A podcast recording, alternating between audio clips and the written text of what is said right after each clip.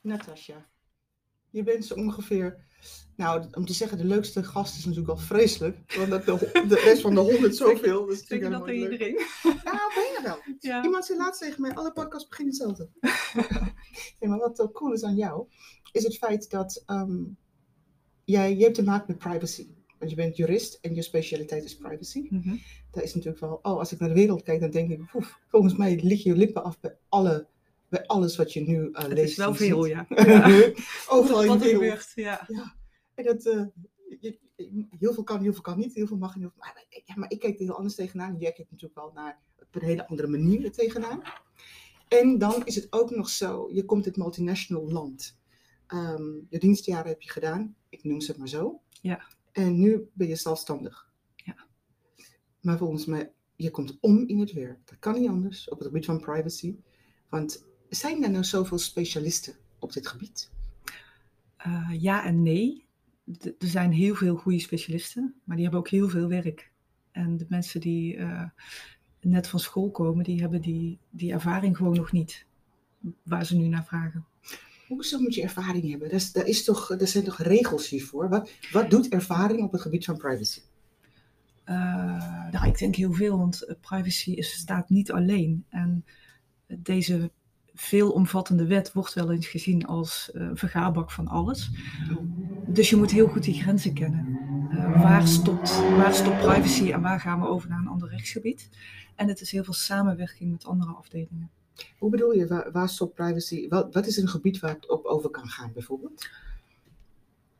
Ehm, het zit heel erg op, eh, nou, als je kijkt naar de overheid, heb je natuurlijk heel veel overheidswetgeving. Mm. Privacy ziet, ziet ook daarop, maar het stopt natuurlijk ook ergens waar de overheidswetten beginnen. Oh ja, precies. Dat mag. Dat mag. En, oh, Sommige dingen vallen onder een andere, andere wet. eh, de Ah. politiewet of de gemeentelijke wet of de overheidswet. En sommige dingen vallen onder de AVG. Eh, AVG wordt ook heel vaak gebruikt als een soort excuus. We mogen bepaalde dingen niet doen, we mogen je gegevens niet gebruiken, Mm. dus doen we bepaalde dingen niet. Oh, wauw. Eh, dus ja, daar, daar moet je wel heel goed naar kijken. Ik En- zit overigens niet in de overheid hoor, maar dat is Nee. wat met de binnenschoot. Ja, nou, op de overheid. Ja. Maar ehm, voor mijn beeld, hè, ehm, is het nou iets, want daar is niks zo, zo besproken de laatste jaren als privacy. ja. Eh, het maakt niet uit wat je ervan vindt. Ehm, het is, er is zo ontzettend veel te zeggen over privacy ook.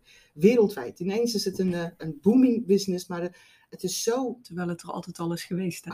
Oh, echt? Weet je Ja. dat? Oh, echt? Maar nooit was het zo op de voorgrond als nu. Ja. Het is toch, ehm, maar dan zit je toch een beetje in de fast lane qua informatie, of niet? Ontzettend, ja. Maar dat komt natuurlijk door het internet, wat zo hard is gegroeid. Zo. En, en alles wat daarbij bij komt kijken. Het is zo makkelijk om alle data op te slaan en Ja, te gebruiken en te analyseren. Zonder dat ehm, mensen erover nadenken wat ze daarmee. eh, ja, wat ze überhaupt doen met die gegevens. We en wat dat an- hoe dat anderen kan raken ook. Ja. En dat is wat ik zo belangrijk vind. Dat je bewust blijft van welke data heb je nu eigenlijk in je bedrijf. Ja. Welke klantgegevens, welke gegevens van werknemers. Mm. Wat doe je ermee? En zou je, zou je dat zelf ook willen als jij die klant was? Ik vind het altijd zo'n lastige. Je, je verbindt nu de, de ethiek met. eh Ja, dat zo is jij het. ook. Oeh, het- maar daar heb je dus allemaal mee te maken. Ja, Ehm, maar is dit nou niet iets waar heel veel bedrijven nog steeds nu, vandaag de dag, totaal onvoorbereid eh, mee omgaan? Totaal niets wetend. Dus jij kan in principe, moet jij, je bent een soort van verplicht voor ieder bedrijf. Moet ik het zo zien? zo voelt het wel soms. Ah, Ja. Er maar- zijn heel veel bedrijven die natuurlijk in 2018, toen de AVG echt ehm, geïmplementeerd moest zijn, zijn heel veel bedrijven die hebben snel wat gedaan om Ja. compliant te zijn. Die hebben Ja. snel een, een, privacyverklaring op een eh, website gegooid en that's it. En die hebben daar verder niks mee gedaan. Ja. Want ze waren toen compliant. Nou, nou zijn we drie, vier jaar verder. Mm, Het wordt wel zaak dat je daar beter over na gaat denken. En niet zozeer vanuit een, eh, vanuit een wetgevingsoogpunt, als Mm. wel vanuit een ethisch oogpunt. Ja. Omdat er komen zoveel systemen bij Ja. in het bedrijf. Je bedrijf is groeiende. Goed. Wat doe je met al die gegevens? Ja. Dus echt, eh, dat sowieso. Ehm, ik denk als er één richting is in, de- in de advocatuur, hè, wat ik heel boeiend vind, ook al ben je jurist, is het natuurlijk wel dit, omdat het zo allesomvattend is. En de rest lijkt alsof het soort van ehm, ver weg, verder achter ligt, weet je wel. Natuurlijk is het belangrijk, maar het leek zo ver weg, omdat dit zo'n eh, zo'n groot iets is geworden. Ja. Ehm, maar je hebt natuurlijk niet altijd, want eh, geef je ook advies aan, eh, aan bedrijven of ehm, werk je dingen uit voor ze? Ben je operationeel of adviserend? Beide eigenlijk. Ik geef advies en ik doe privacy scans ook. Mm. Maar ik zit ook gewoon eh, op een juridische afdeling in een privacy team te adviseren over van alles en nog wat. Wauw. Ja.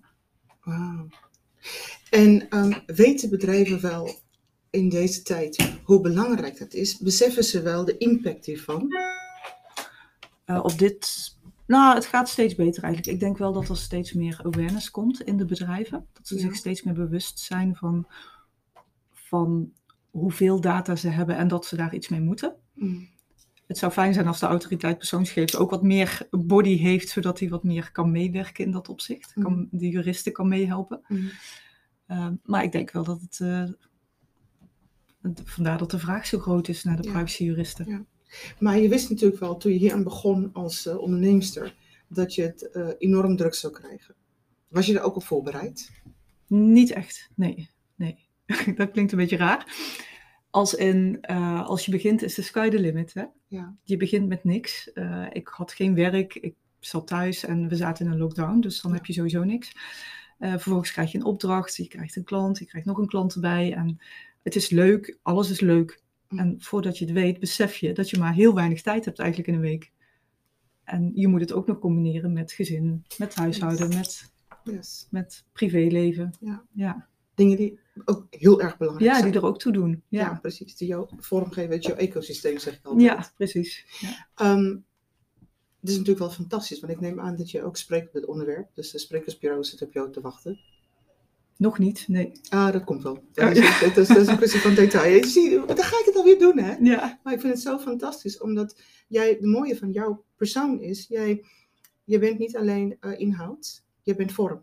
Dus dat betekent dat je ook op een hele leuke manier dingen over kan brengen. Weet je, ik snap wat jij zegt. ja. En als Nou, ik dat is belangrijk, hè? Ja, dat kan je wel. Want- Het lijkt bijna alsof het vanzelfsprekend is, maar dat is niks minder, uh, ja, minder waar. En dat maakt natuurlijk wel dat je, dat je mensen mee kan nemen in wat is het, waarom is het belangrijk en wat moeten we hier aan doen. Ja. Dus dat is wel heel top. Nou ja, dat is wat je als bedrijfsjurist doet, hè? De hele moeilijke wetten vertalen in, in praktische zaken en juist de business meenemen in waar ga je naartoe en wat wil je nu eigenlijk op een makkelijke manier, Ja. zodat zij meegaan met je. Ja. Want dat, ja, de mensen met wie je spreekt, die komen uit een andere wereld natuurlijk. Klopt. Letterlijk een andere wereld. Letterlijk, ja. Ja. Het zijn andere disciplines, zijn ander soort, een ander soort mensen. Ja. En je moet wel die vertaalslag maken. Ja, Ik precies. denk dat, ja, dat dat de kracht is van een bedrijfsjurist ook. Hmm, hmm, zie, het gaat niet alleen de wereld voor mij open, maar ik leer gewoon erg veel hiervan. Ehm, maar nu gaan we natuurlijk wel naar de andere stuk. En de andere stuk is eigenlijk, ehm, wat ik zo mooi vind aan jou, is je hebt een hele weg bewandeld. Echt een hele weg bewandeld. Ehm, carrière gemaakt, eh, eh, gestudeerd, carrière gemaakt. eh, en toch op een gegeven moment zeg je tot hier en niet verder. We hebben het natuurlijk wel ehm, erover gehad dat bedrijven gewoon nog niet zo ver zijn dat zij geschikt zijn voor vrouwen op hoog niveau. Ze roepen allemaal van wel en we moeten een quotum hebben en het moet zo, het moet zo. Maar eigenlijk is het niet uitnodigend voor een vrouw om daar te... Zij komt niet thuis. Klopt, ja. En ik stelde natuurlijk wel de nare vraag aan jou. Wat moet er, wat moet er wel gebeuren? Ja, Ehm, maar ook dat is te simpel. Want je kan wel de regels aanpassen van er moet 30% vrouwen zijn. Maar daarmee is de, de mindset en de mentaliteit nog niet veranderd binnen de organisatie. Nee. Wat was voor jou, wat was voor jou de grootste afknapper? Wat, was, wat heb je het meest geleerd ervan? Dus die twee. Want eh, we gaan niet alleen zeggen hoe vreselijk het is, we gaan ook zeggen wat we, daarvan, wat we leuk vinden daaraan. wat, wat, wat, je wil dus weten wat er Wat was, de, wat was de allerergste voor jou? Wat was jouw grootste afknapper? Uh, voor mij persoonlijk was het um, het mee moeten draaien in, een, in het keurslijf van een multinational. Dat je gewoon niet. Um, dat je. Ja, je hebt niet de vrijheid om uh, echt te doen wat je leuk vindt. Want je hebt natuurlijk altijd, er is een bepaalde vraag en je wordt ergens ingeduwd. Mhm. Ehm, je hebt een bepaalde hiërarchie waar je in zit, waar je niet buiten kan. Je Ja. kunt niet, misschien wel een beetje naar links en naar rechts, maar je kunt niet naar boven, want dan overstap je jezelf, zeg maar. Dan yes. zit je aan iemand anders po- stoelpoten Ja. te zagen. Eh, om daar te komen moet je ook worden toegelaten door anderen. Als zij vinden dat je, dat je niet past of dat je niet behoort tot hun clubje, dan kom je er ook niet. Ja, dus het goed genoeg zijn. De ander bepaalt wie goed genoeg bent. Ja, ja, Ja. dat denk ik. Ja, En dat vond ik lastig. Ja, waren daar ook, tenminste wat ik altijd ehm, zie bij bedrijven, als er bijvoorbeeld geen vrouw in de board zit, dan weet je al kansloos. Om ook daar te komen. dan is het heel lastig om daar te komen. Ja. Ik heb het wel gezien hoor, dat er wel uiteindelijk vrouwen werden toegelaten. Hm. Ehm, misschien ook wel met een stok achter de deur. Maar als ik dan toch zie hoe die vrouwen uiteindelijk opereren, dan denk ik, Weinig verschil tussen man en vrouw. ja, ja ik zou dat wel liever anders zien. Ja. Dat, Het is zo mijn wens dat vrouw vrouw blijft. Ja. Ehm, want ehm, vanuit haar vrouw zijn, dat is zo een, eh, je brengt zoveel wa- waanzinnig moois mee. Ehm, en toch, omdat je in de minderheid bent, ga je automatisch schikken. Het is een soort automatisme wat daar plaatsvindt. ja, het is ook een overlevingsmechanisme hè, om Yes. te overleven in die Yes. Ja. Yes. En het zal ongetwijfeld niet overal zo zijn. Hè? Dat wil ik wel. Nou nee, dat is. Er zullen bedrijven zijn waar het niet zo Ja. is. Maar Ja. ja. ik denk over het algemeen. Ja, dat je als vrouw heel hard moet vechten. Ja. Echt letterlijk vechten en overleven om. Maar dat vechten en overleven, op een gegeven moment zei je nee. Nee, ik kies voor een andere soort leven. Ik kies voor een leven van eh, mijn gezin, want je hebt twee, eh, twee kinderen. Ja. Ik kies voor mijn lieve man. Ehm, ik kies ervoor om er te zijn voor mijn ouders, mijn schoonouders, de mensen om mij heen. En dat wordt eh, soort van altijd gezien van, oh kijk, daar gaan die vrouwen nou zorgen. Oh kijk, ze gaan zorgen. Oh, dit is zo Zwak. ja, alsof, alsof het een zwakte is. En dat, dat is zo niet waar. Want het is zo'n kracht. Want ehm, je noodgedwongen, of voor allerlei redenen, laat je dat wereld achter wat jou leegzuigt. Ja. Het klinkt misschien wel heel hard wat ik zeg, Ja. maar op een gegeven moment is het, eh, het, het, het dient jou niet ja, meer. je kunt niet al die ballen meer in de lucht houden, want er wordt van je verwacht dat je wel gewoon levert, dat je voldoet aan de deadlines. Ik werkte part-time, maar ik had net zo goed fulltime kunnen werken. Hoe parttime werkte je dan? Eh, drie om vier en op het laatst vier dagen. Ehm, Dat is niet parttime hoor. nee, maar dat, ik werkte vijf, zes dagen in de week. Ja. Dus het maakte niet. En ik kreeg betaald voor vier. Ja. Dat deed ik heel bewust. Want als ik voor vijf dagen betaald kreeg, dan werkte ik helemaal zeven dagen. dus ik had in ieder geval nog Oh, dag. wat vreselijk. Ik denk nog ergens een compromis, maar oh. Nee, het is gewoon. eh, ja, het is gewoon hard werken. Het zijn lange dagen maken. Er wordt veel van je verwacht. Ja. Ehm, ja, je draait mee in een multinational. Dus Ja. het is wel. Dat, dat is gewoon de wereld. Ja. Dat is jouw netwerk, dat is jouw wereld en eigenlijk kom je er Ja. nooit buiten. Nee. Niet, niet bewust. Nee. Nee, nee. Nee, maar het, het wordt zo, jouw, ehm, ik zei altijd, eh, je, je plast eigenlijk wel de kleur van het bedrijf. Je bent zo in de cultuur gezogen. Daar hoor je, daar blijf je, daar ben je. Ja. Ehm, ik heb een, een tijd geleden, ehm, een, een, ze was eh, eh, vice-president van een hele grote Amerikaanse corporatie, in Nederland ook. En ze heeft daar alle jaren gegeven, 30 jaar geloof ik. En op een gegeven moment kon ze niet meer. Ze was gewoon op, eh, klaar. En toen werd ze ook nog eens ontslagen. Ehm, Zo'n vrouw is eh, helemaal kapot. Ja. Ehm, ehm, en natuurlijk, het is makkelijk om te zeggen, nou ja, weet je, ja, het was toch niks meer, zeg maar. Een soort van, ze kon niet meer met de jongens mee. Mhm. En het is heel zwaar voor haar om nu weer een baan te vinden. Dat geloof ik. Ja. Ehm, ten eerste ben je natuurlijk wel helemaal verwend hè, tot een bepaalde leeftijd. Mhm. En dan op een gegeven moment, ja, is het zo of zie ik het verkeerd? Dat het nog steeds mooie en aantrekkelijke vrouwen en vrouwen die meedoen. Want als je niet meer meedoet, dan ben je een spoil, dan liever niet. Dat ja. Ehm, in die nuance, jij zei net, eh, het is, je, moet, je moet meedoen in het bedrijf en je leeft en voor het bedrijf. Ik kan dat niet. Ah, oh ja, gelukkig. Ja, maar dat, dat maakt het wel lastig, want dan ben je dus anders. Ja. En je kunt, ik kan niet zomaar mee in dat ik een bedrijf helemaal fantastisch vind en me onderdompel in die sfeer en mee kan doen met iedereen. En weet je oude jongens krentenbrood, ja. ik ben daar niet van. En ik wil die vrijheid ook hebben. Ja. Weet je, ik wil ook eh, mijn eigen plan trekken of Ja. mijn eigen dingetje doen. Eh, en dat is niet de bedoeling, want je moet Nee, wel hè? meelopen. Ja, maar is er, is er nou echt werkelijk geen enkele ruimte voor, voor mensen die anders zijn? Want al die bedrijven roepen, wij willen mensen die anders zijn. Maar Nee, dat willen ze helemaal ze- nee, dat willen ze Nee, niet. nee, ze hebben Die zijn lastig. Nee, dat klopt. Die zijn- En- Maar lastige mensen zorgen juist voor, voor nieuwe impuls in je bedrijf. Nou, wat, wat lastig mag zijn, maar ze zijn helemaal niet lastig. Het is gewoon vrouwen, weet je wel. Ja, ja. Ja, nee, maar die, die zijn lastig inderdaad. Die zijn koppig, die doen altijd hun eigen ding. Die moeten bijgestuurd worden, die moeten op cursus worden gestuurd. Die moeten...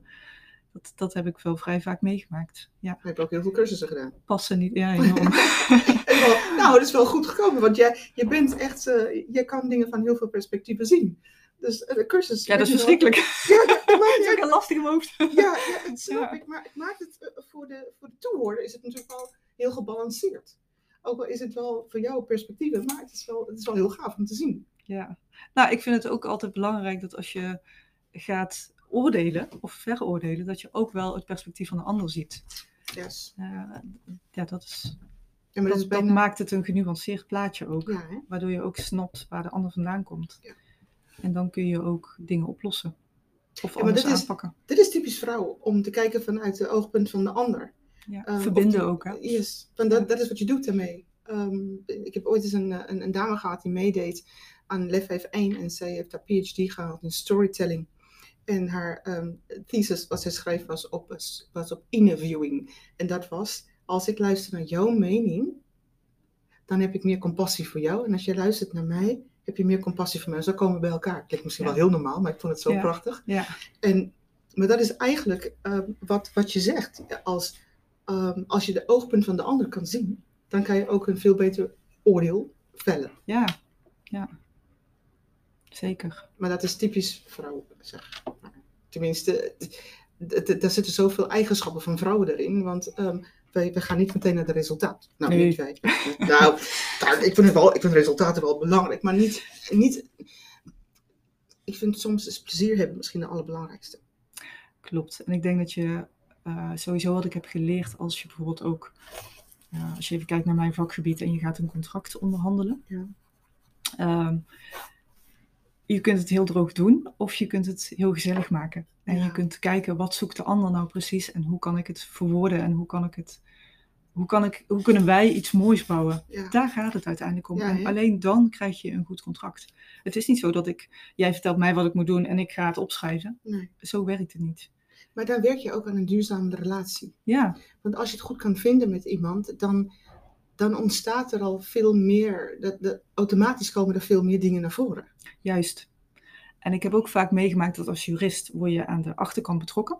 Ja. Je bent de laatste ongeveer bij wie ze komen. Ja. Alles is rond de deal en jij mag ernaar kijken en je zegt, het is niet goed, dit moet anders. Nou, dan wordt iedereen heel erg boos, want jij bent degene die aan de rem, de rem trapt, Oh ja. trekt. Terwijl als je aan de voorkant zit en je, je hebt de relatie al en men komt van tevoren bij jou en zegt, joh, dit is ongeveer wat we willen doen. En of je nu op privacy werkt, of je werkt op een overnamecontract of wat dan ook. Yes. Op het moment dat ze aan de voorkant bij je komen, kun je al meesturen. En kun je samen gaan sparren van welke kant gaan we op. En dan ben je nooit een remmende factor, maar je bent een meedenkend Precies. onderdeel van het team. En dat is, dat is zo mooi als je dat voor elkaar krijgt. En dat, ik denk dat dat op heel veel vlakken geldt. Maar als ik jou dit hoor zeggen, dan snap ik dat je zegt, ehm, net van school, dan, heb je, dan ontbreekt de ervaring en de mensenkennis ook. Ja. En, en vooral dat leven. Je moet ook weten dat als je eh, aan de voorkant een knopje draait, dat aan de achterkant ook allerlei radertjes gaan Yes. bewegen Yes. in een bedrijf. En dat heb je zeker in een multinational. Ja. Dat heb je in een team. Dat heb je. Ja, je moet, je moet zorgen dat je de juiste mensen aan de tafel krijgt. Ja. Ja. En samenwerkt. En ja, mensen die. Je moet sowieso je basis hebben. Dat zit natuurlijk bij de mensen van de universiteit die er net vanaf komen. Daar zit, die basis zit wel goed. De kennis is er wel. Maar de ervaring, daar schort het dan aan. Ja. En ik denk zeker bij privacy dat je dat heel erg nodig hebt. Het gaat echt, Omdat dat zo'n ingewikkelde Ja, wereld ja. is. Precies, het gaat diep Ja. om de mens en toch om, de, Ja. om, om, om het... eh, En het hele aspect van een bedrijf en hoe, als je eh, gaat kijken naar hoe je datastromen gaan, licht je een heel bedrijf door. Je gaat van aan helemaal naar Z. yes, yes. Je krijgt het hele bedrijf te zien met alle afdelingen die daartussen zitten. Dat is nogal wat. Maar het gaat ook om mensen, hè? Uiteraard, ja. Het gaat om persoonsgegevens. Hè. De Yes, data interesseert me niet, maar het gaat om de persoonlijke Ja. gegevens van mensen die... Dat gaat een heel bedrijf door. yes.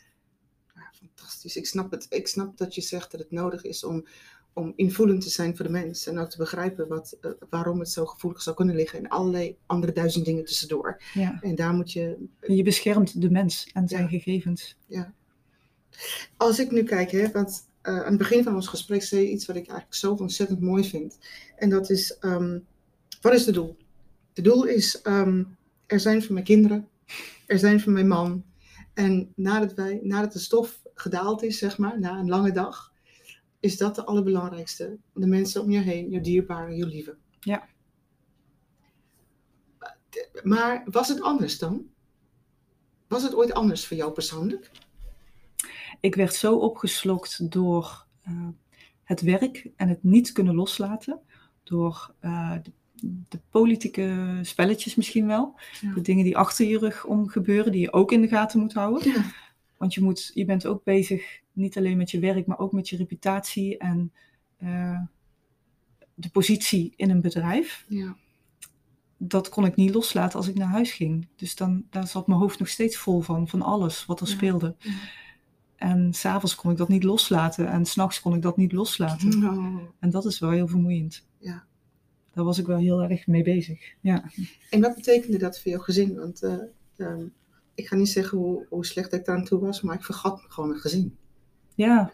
Ja, je hoort niet als, als je man dingen tegen je vertelt, die hoor je gewoon niet. Kinderen. Want je bent er niet. Nee. Dat, eh, ik weet nog goed dat de, dat de stratenmakers kwamen om een oprit aan te leggen. En wij hadden eh, blijkbaar samen gezegd dat de tegels eh, horizontaal moesten liggen. Ik kwam buiten en ik denk, hoezo liggen ze horizontaal? Die moeten verticaal. Ja. En ik heb op stel en sprong alles verticaal laten leggen. En mijn man kwam thuis en zei, wat heb je nou gedaan? Hier hebben we maanden over zitten bakkeleien. Geen idee. Geen idee. Eh, ik- toch, En dan, ja, dan schrik je wel van jezelf. ja hè? Of dat je zoontje tegen je zegt, mam, ga toch eens iets doen waar je gelukkig van wordt. Oh, Dit is het niet, hè? dat? Ja, Oh. eh, Eh, maar raakte dat je wel? enorm. Ja. Maar je stond op dat moment blijkbaar daarvoor open. ja, dat was wel, eh, toen zat het al in mijn hoofd om iets anders te gaan doen. Ja. Ik heb wel heel lang gedacht, dit is het niet voor mij, maar wat moet ik anders? Ja, dat schreef je zo mooi. Ik vind je verhaal zo... Ik weet niet hoe je dit vast hebt kunnen pakken in 500 woorden, maar ik vind het zo gaaf. Ja. Echt zo... ja, je hebt een bepaald plaatje voor, je, voor jezelf gecreëerd waar je naartoe wil. En dan ben je daar. Ja, En dan merk je dat het dat, het dat niet is. Maar wat dan? ja, En Ja. dat is eigenlijk wel, omdat je al die jaren naar iets hebt toegeleefd zonder dat je ehm, om je heen hebt gekeken verder. Want je had maar één doel en dat Ja. was daar komen, ongeacht yes. hoe. Ja, En dan ben je daar en dan kijk je om je heen en denk je potverdorie. En nu? Dus ik heb daar heel lang op gewacht tot dat moment, dat Eureka-moment zou komen. En dat kwam nooit. nee, nee. En ehm, ja, tot, totdat je op een gegeven moment denkt, ja, het komt ook niet als ik er niet heel actief over ga nadenken. Ja. Er gebeurt echt helemaal niks, hè? Nee, er gebeurt niks. Als je, als je erop zit te wachten, dan gebeurt er niks. Dat is echt verschrikkelijk. Ik snap natuurlijk wel van mensen die luisteren denken, nou, dit is misschien super abstract, maar, op, het is, maar dit, is, dit is zo, dit, dat kan ik bijna proeven, dat snap ik echt heel goed. En mijn vraag aan jou is, wat is nou, ehm, ik hoop natuurlijk wel dat, eh, dat vrouwen, jong, oud, it doesn't matter where you are, hiernaar luistert. En ik denk dat is een soort disillusie, want ik heb vrouwen die vier hebben gedaan. En ja, het gaat het worden. Ja. En op een gegeven moment denk je, wat is er gebeurd? Wat is jouw boodschap? Wat, jij, wat, is, wat is jouw grootste les wat jij mee wil geven? Ja, stop vooral op tijd. Als je, als je denkt, dit gaat, gaat hem niet worden, grijp in. En ga vooral voor jezelf heel goed na, wat wil ik nu in het leven? Ja. Is dit het nu echt? Of wil ik eigenlijk iets anders? Luister naar jezelf, dat is het gewoon. Ik heb mezelf heel lang niet gehoord of aan de kant gezet, in ieder geval. Ja. mezelf geparkeerd van nou, dit is, dit is het plaatje, dit wil ik. Ja. Het plaatje was er niet, maar ik ben gewoon doorgegaan Ja. ten koste van alles. Ja. ja, dat maak je wel heel duidelijk in je verhaal. Ja, ja, dat, nou ja, weet je, ik heb het overleefd, maar uh, ten oude nood, zeg maar. Ja, maar je zegt ook overleefd, hè? Ja, dat was het ook echt. Het was overleven. En ik had al lang, ik had al veel eerder kunnen stoppen. En wat is er zo erg aan je plaatje opgeven? Wat is daar zo erg aan? Maar dit is, dit is natuurlijk wel, dat, dit is een, je hebt over een muur in jouw, in jouw verhaal. Maar ik snap dat plaatje is, is heilig geworden, want je bewoog naar je plaatje toe. Ja, ja, de droom die ik voor mezelf had, had gecreëerd. Ja. Waarvan ik dacht dat het mijn droom was, waarbij ik vergat te voelen. Ja, Is dit wel echt mijn droom? ja. Het is puur eh, in mijn hoofd Ja. had ik het gecreëerd. Maar dan ben je ook ver verwijderd van jezelf. Enorm. Want- Ja, Dat zijn van die termen, weet je. eh, voorheen vond ik het nog, eh, dat is, het klinkt bijna zweverig, maar ik, ik ervaar mensen die ver verwijderd zijn van zichzelf. ja, Ze, ze komen niet eens in de buurt van zichzelf meer. Ze Ja. doen dingen waar je denkt van, waarom doe je dit? Of waarom, de- zij komen tot de conclusie, waarom heb ik dat gedaan? Maar je bent wel op tijd eruit gestapt. Want ik denk dat je, ehm, als je, als je door was gegaan op dezelfde manier, nou dat weet ik wel zeker. Ja. ja, hè, was het funest Dus- geweest. Ja, de eerste keer heb ik al op tijd aan de rem getrokken. eh, dat ik naar huis ging en op adem kwam. Ja. En het feit dat ik wel terug ben gegaan, ja, het werkte niet meer. Nee, het, liep gewoon niet meer. Ja. Ik, ik liep gewoon constant Ja. op mijn tenen. En Ja. dan heb je op een gegeven moment besef je wel van dit, dit gaat er niet worden. Dus ik ging weer om me heen kijken, ik ging solliciteren. Maar je merkt aan jezelf van dit wil ik niet meer. Ik ook wil meer iets van anders. hè? Ja, precies. Ja. Ja. En ook nu merk ik dat nog elke dag. Ik moet heel goed luisteren naar mezelf. En misschien is het dit ook niet, hè? maar goed, voor, voor nu word ik hier blij van. Maar je begint, je begint ergens, weet je. En Ja. geeft meer rust. Precies. En dan, dan ga je op een gegeven moment ga je, eh, op zoek naar wat geeft me meer rust. Vooral waar word ik blij van? Gewoon Ja. heel simpel. Waar word ik Zo blij simpel. Ja, nee, ja, maar Waar word ik blij van? Ik ga het opschrijven, want... ik liep, ik liep vorige week te mopperen hm, over een klant. En weer zei mijn zoontje tegen mij: Mam, zeg dan gewoon nee, pak de opdracht niet. Oh. Het is zo simpel. Ja. Toen dacht ik, keek hem aan en ik dacht, "Oeh, zo simpel is het. Ja, hè? Ja, Echt? want uiteindelijk als je beslissingen hebt genomen, zijn het nooit op de, op de, de grote hoge feiten. Nee. Het is over het gevoel wat je hebt. Precies, ja, dat is het. Maar het is wel enorm fijn dat er een spiegel wordt voorgehouden. Maar alleen al het feit dat je loopt te mopperen, Ja. dat, dat, dat is Ja. het niet. Je hoeft niet te mopperen. Je moet blij opstaan en je moet... Yes. Hè, hard werken is één ding. Yes. En daar is helemaal niks mis mee. Nee, Zolang je er maar energie van krijgt. En Ja. dat zijn allemaal van die dooddoeners, maar het Nee. is echt wel zo. dat is niet voor niks een cliché, hè? Iemand heeft het doorleefd. Ja, Dus nee, ik snap Ja. het helemaal. Nou, als je, ik weet het, wij hebben alle vlakken geraakt. Maar ik vind het, ik vind het zo inspirerend dat jij dat je op tijd hebt, bent gestopt en, en toch wel op een gegeven moment dacht van nee, het moet anders. Andere dingen zijn belangrijk. Andere dingen bepalen mijn leven veel meer en veel beter. En ik, ik zou willen dat dit ook onderdeel is van de opleiding eh, voor man en vrouw. Dat Ja. ze ook weten dat het niet één weg is, maar dat er verschillende manieren zijn om, eh, om een fijne leven te hebben. Het is niet de, de grote geluk, het groot geld. Het is een fijn leven in balans. Dat is echt wel het allermooiste. zeker. En het geldt niet alleen voor vrouwen, hè. het geldt Nee, ook voor Man en mannen. vrouw. Ja, En mannen, Zeker. de druk is misschien nog hoger voor de man om hier niet over te hebben. ja, Maar mag gewoon te accepteren. eh, dat hij in meer een rol zit dan in zijn, in zijn persoon zit. exact. Ja, Nou, ik, eh, ik genoot ontzettend veel van, eh, van de podcast. Ja, ik, ik kon zo meepraten met je. Want het, het is, het is natuurlijk niet de eerste keer dat ik het verhaal hoor, maar het is zo herkenbaar. En dus tegelijkertijd, ja, wat ik zo mooi vind, is dat je, dat je mooiere dingen gaat doen in je leven.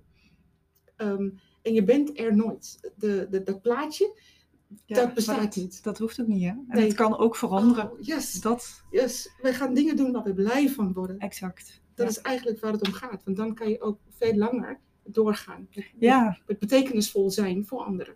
ja, Ja. Ik eh, dank je enorm. graag Ik gedaan. heb genoten. Ja, jij ook, dankjewel.